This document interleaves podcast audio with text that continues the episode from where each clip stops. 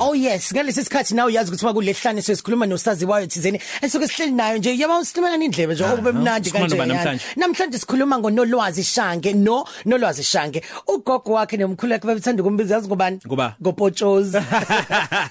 Angazi ke njengoba naye ewuye umlingisi actress kodwa umlingisi ophinda aqeqesha abanye abalingisi. Wow. Yeah, bayazi nje ukuthi mawukuthi unenkinganyana nje mhlawumbe ekutheni kwakho noma khona izinto odinga ukuthi uthi kancane kancane hambe kunolwazi ngenxa yokuthi yena unaleso siphiwe futhi umsebenzi awufundele. So Pinetown Girls High because unolwa unolwazi wa matriculate khona Sukuma I mean Pinetown Girls High iloke Pearl 2C Nomfundo- nomzamo mba nomzamo mbatha nomfundo mkhize nomfundo mkhize sikha phezulu Ah, nje u- u- u- u- unelisa mchunu a a a a- a ubani- unolwazi ngubeni Yes. So 21 listen- minutes past 2 I'm Sazini Khosi FM. Seyisana lesi sikhathi usekhona Oh, yes. unolwazi on the line. Hello Bojozi Sanibonani eh. unjani Ngiyaphila njani? Siyaphila babes. Like usiyabe sikhuluma off air ukhuluma indaba ukuthi kwazi kwamnandi ukuthi umuntu isikhulume ithi interview umuntu oyilalelayo ishow hey? So nice Lalela nginilalela Wesel Johnson ngizivese ngivuke isikhwele uma ezovese athi usiya yafuna ngikujabulisa. I understand. Nawe nawe uthambe la kuthi yebo Ngiyakubonga. masajabulisayo. Ngiyakubonga ke wena uthi uzu- uvukwa isikhwele kanjani ubushade la ngiyakubonga ke wena oh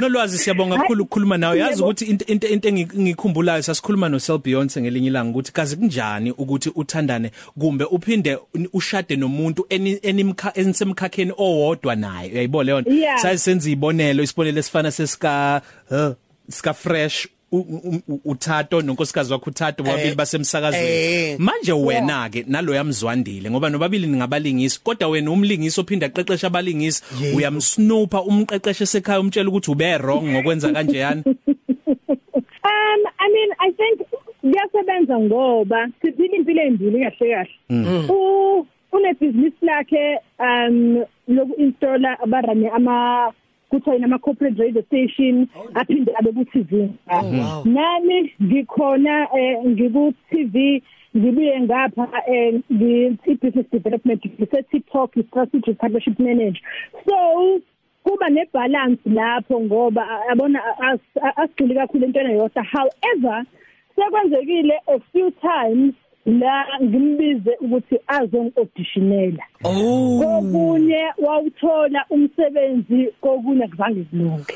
Uyaphosesa ima ma- mawuthi u- u- mawuzombiza aze auditionele ngoba ubuye ube casting director la khona uhamba ufuna italent mangabe kuzoba khona uhlelo ndawoni thizeni usho wena ukuthi nabe uhlu labalingisi sibafunayo nani nani. So mawuthi oza azo auditionela weza wazo auditionela kwi audition yangempela proper ufana audition nokufundiswa umma wakhe abe uthisha we wakhe. oh noma wa Yeah, audition noma auditionela elokhuzaneni e- e- e- endlini e dining room nidla ni- you know? Hayi lutho wakuyiphepha audition nje wafunda olayini wafika wagcwalisa iform wangena samshutha kukhona nomqondisi in the room. Um very professional but into engiyithandayo ukuthi uyahlonipha umsebenzi wami. Um and lokho kwang- kwangichaza nje kakhulu kakhulu kakhulu kubaluleke kakhulu kumina ngoba nami umsebenzi wami ngiyahlonipha so kubalulekile ukuthi even abantu abakhona empilweni yami nabo bahloniphe ngaleyo ndlela. So wafika kokunye eh, nje ngimthumela ibrief athi "Ayi, la angiboni ukuthi ngizokwazi ukuthi ngilunge ikhathi zami kanjani kanjani kanjani. But uyafika nje azo azo auditiona makulungile ngalungani futhi akuna information engaphezulu kwale akumele ayazi engimnikeza yena. So akatholi advantage naye. Ukuhamba ekhala esemini ngakutshela mhlawumbe ukuthi eh okwami kuba ngconywana ngoba lo muntu ngiphila naye endlini. Kuyayifanele nje njengabanye abantu. Kodwa kwakuhle lokho kwenzayo nolazi ngoba lokho kuchaza ukuthi ukhathalele ukhathalele impela yona ayiliyona le industry wona lomkhakha nani nani ngoba masuqala usuwenzelela okuchaza ukuthi kusho ukuthi awusane indaba sengumane ukuthi nje hayi makwenziwe nje kuphela. Kuqala phi ke lapho ke isiyawi industry siyabheda eh akho justice eyenzakalayo hey? Ngiyayithanda Yeah. lento yenza nice one. Yeah. Ake siye Thank Pinetown you. Girls High ngoba ngo ngo- Yes. ngo 2020 ngesikhathi abasakazi abathile kuthiwa baye ezikoleni mina no Sel Beyonce saye Pinetown Girls High.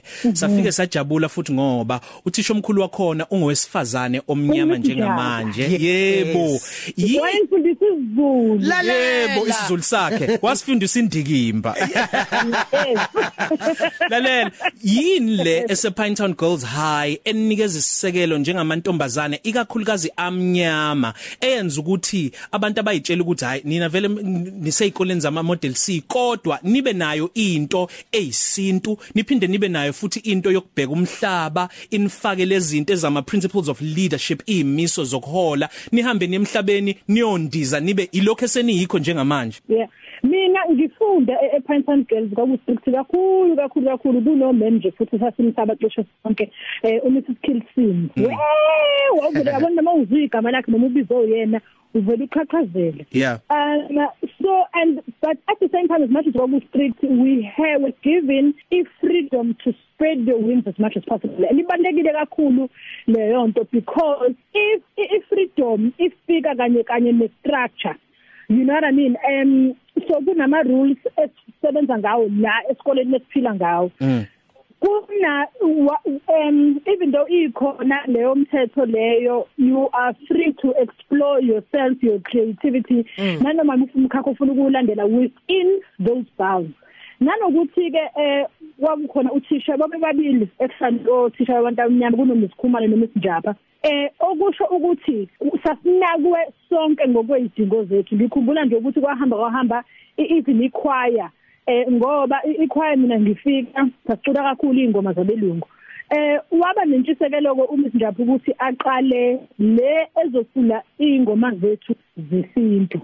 You know and that was such a pivotal change esikoleni ukukhombisa ukuthi njengoba sihlangene lana asifani no eh, intanga zethu asifani ama languages ethu awafani okusho ukuthi nangendlela mhlawumbe sicula ngayo ayizufana and all must be included all must be celebrated Nice. Yini oyibonayo ukuthi iyashoda wena olwazi ah, njengamanje e- esikoleni kakhulukazi lezi zamantombazane o all girls school nina enani nayo enani yenza manje oyibonayo ukuthi ayikho. iyasilela ya Yeah. yeah eh, eh, ngingathi i think the generally manje and akusibona ezikoleni zamantombazane kuphela nje emhlabeni wonke jikelele. I- i- i- discipline ayisafani nakuqala. Eh manje hey isesibe yeah a- a- abantu abasha sebekhululeke kakhulu Yeah. kanti idiscipline iyasiza. Ukubona noma usukhulile eh u- usudila nabantu abakhulile ubona hey lo ngazi idiscipline nje azange ayijwayele sasemncane. Uyazi ukuthi u- u- uyithibe wena umdala. U- kungabi khona isidingo sokuthi uzitshela ukuthi hayibo uyabona uya usakhuzwa even umdala. Yeah. so ibaluleke kakhulu idiscipline ukuthi uyifunde ebuncaneni bakho. Ikusiza ezintweni eziningi ngabe usukhulile U- u- ulosaziwayo ngenandaba nokuthi usaziwayo. Oh yes. okuyinto eyivela kancane esikhathini samanje ngoba awuhambe olungiza nje kulunguza ku social media. Baningi abantu bafuna ukuthi baziwe. Yini le yenza ukuthi ungabi nandaba nokunombolwa ujatshulelwe kuthi usaziwayo uzunikezwe isihlalo esikhethekile? Akudlela engikhulise ngayo. Em yabona mina ngikhulele ekhaya. Em ngikhuliswe gogo nomkhulu eh ugogo nomkhulu Shandi eClermont yabona nje bengahlekwa nje kakhulu lapha na in terms of idiscipline. In fact um ngo uma kuphela unyaka odlule eh besibeka ugogo. Kwaba khona umama wakhuluma ekhuluma ngoba ugogo bebhidisa ichoir ethi umkhulu ehlale ethi eh, ichoir practice uyithatha njengomsebenzi semsebenzi emqashiwe so and that is the approach engikhule nayo nje empilweni ukuthi ngi- ngiqashiwe ngisemsebenzini. Umsebenzi wamfana nanoma na- na- na- ayi, ufana nayo yonke nje imisebenzi mm. U- the only mehluko ukuthi umphumela wami umsebenzi ukuthi u- uphelela ku-TV Mm. kuphela otherwise ngiqashiwe nje ngizifayela nje nani umuntu umuntu nakhona njengoba ngiqashiwe nje kusasa mhlawumbe ngaphela hey. Noma ngihlangane nawe sekuwena awususi ngiqasha uyabona? So kubalekile ukuthi u- uyicabange ucabangele izinto. But like I'm just I'm I'm very unaware of those things and angifuni futhi ukuthi ing- ingene ekhanda. It's it's work for me and kuyisibusiso ukuthi even manje at my age ngisakwazi ukuthi eh, ngiwenze umsebenzi yazi ukuvuka ekseni ngazi every day wenze into oyithandayo isibusiso singavelele bande Yeah. Um sizobuya sikhulume nenku- siqhubeke nenkulumo ngxoxo yethu njengamanje ngibonile ukuthi kade Twitter manje uthi a family WhatsApp group njengamanje wonke umuntu ulalela. Hello emndenini Sanibona. owakho owapho wakangubeni noma wakuphi lo? Wakashange. Owakashange. Ngi my auntie bonguthi melile lapha abathi vulani ukho. Yebo anibonge siyakuthanda kanjalo siyabuya ke siqhubeka nenkulumo ngoqethe kanye nawe nolwazi ngubeni @nolwazi ngubeni ku Twitter sambe sekusipha wesiphana 20 minutes to 3 okuchaza ukuthi sisonke afternoon drive izongena 20 minutes time. Zokoloko kanye nomroza bazohlala nawo phakathi ka 3 kuya ku 6 wakuphi neClermont nolwazi Ngwasefenene extension. FNN ngiyabona. FNN manje nje wawu- wawuthukuye nje lapha koqomoza indawo zobumnani zakhona lapha eClermont. Lutho lutho thina nje ekhaya bongangeni sekumnyama. lalela nje? Angizazi ngezwe ngendaba ukuthi kulele zendawo. egqomoza oh. Lalela ke wena olwazi khona into esike siyenze lama ngabe kulehlanu so sifike sisho igama igama noma isisho noma yini and then wena uzositshela ukuthi yini into eyokuqala iqhamuka emqondweni wakho mangabe sisho lelo gama lelo ukhuluma Okay. mawuthanda akudingi ukuthi nawe uphendule ngokuthi usho into eyodwa ungakhuluma nje uchaze nje, oh. okufikelayo masisho lelo gama lelo Okay, that's fine. alright Ariyeng nayo yokuqala 1 Corinthians 15 verse 33 Ningakhohlisa ukujwayelana nababi konakalisa ukuziphatha okuhle. Uyabona ngisho ungangivusa ngo2 ekseni. yeah Ngilisho njengoba it's the first verse esalifundisa ekhaya sikhuliswe ngalo ukuthi be very wary of bad company. wow number 2 isociety Iyo lezo inhlanya lezo. We igulane zami lezo. Um Ach man, those are my friends, that's my squad, that's my family. yes Um eh, kahle kahle i- i WhatsApp group eyaqala yavulwa u u- Akhum 2017 engazange sicele. Wavele wavula i WhatsApp group sasibona sikuse groupini. Awukwenzakalani manje lana? Abanye siyazana abanye sake sabonana sijwayelane wavele nje wathi guys uqala i WhatsApp group I think we could be friends. Since then ke sihamba ngaleyo ndlela ke kwangempela futhi. Oh, The man. first people I will call nanoma ngabe kwenzakalani indlela abahambelana ngayo abathwanana ngayo I have never ever encountered such people in my entire life. Oh and ni talented yazi nonke mangibona la group I'm like hayibo lo uzomxosa uthini lo uzothini lo ngalo hayibo hayibo hayibo kuhle kuhle Hayi lalela nike asebe abantu sebezosichomela ke sebechomelana ke bodwa la igroupini sike sihlekane. Please respect me ngusibani bani. Hayila. Hayila.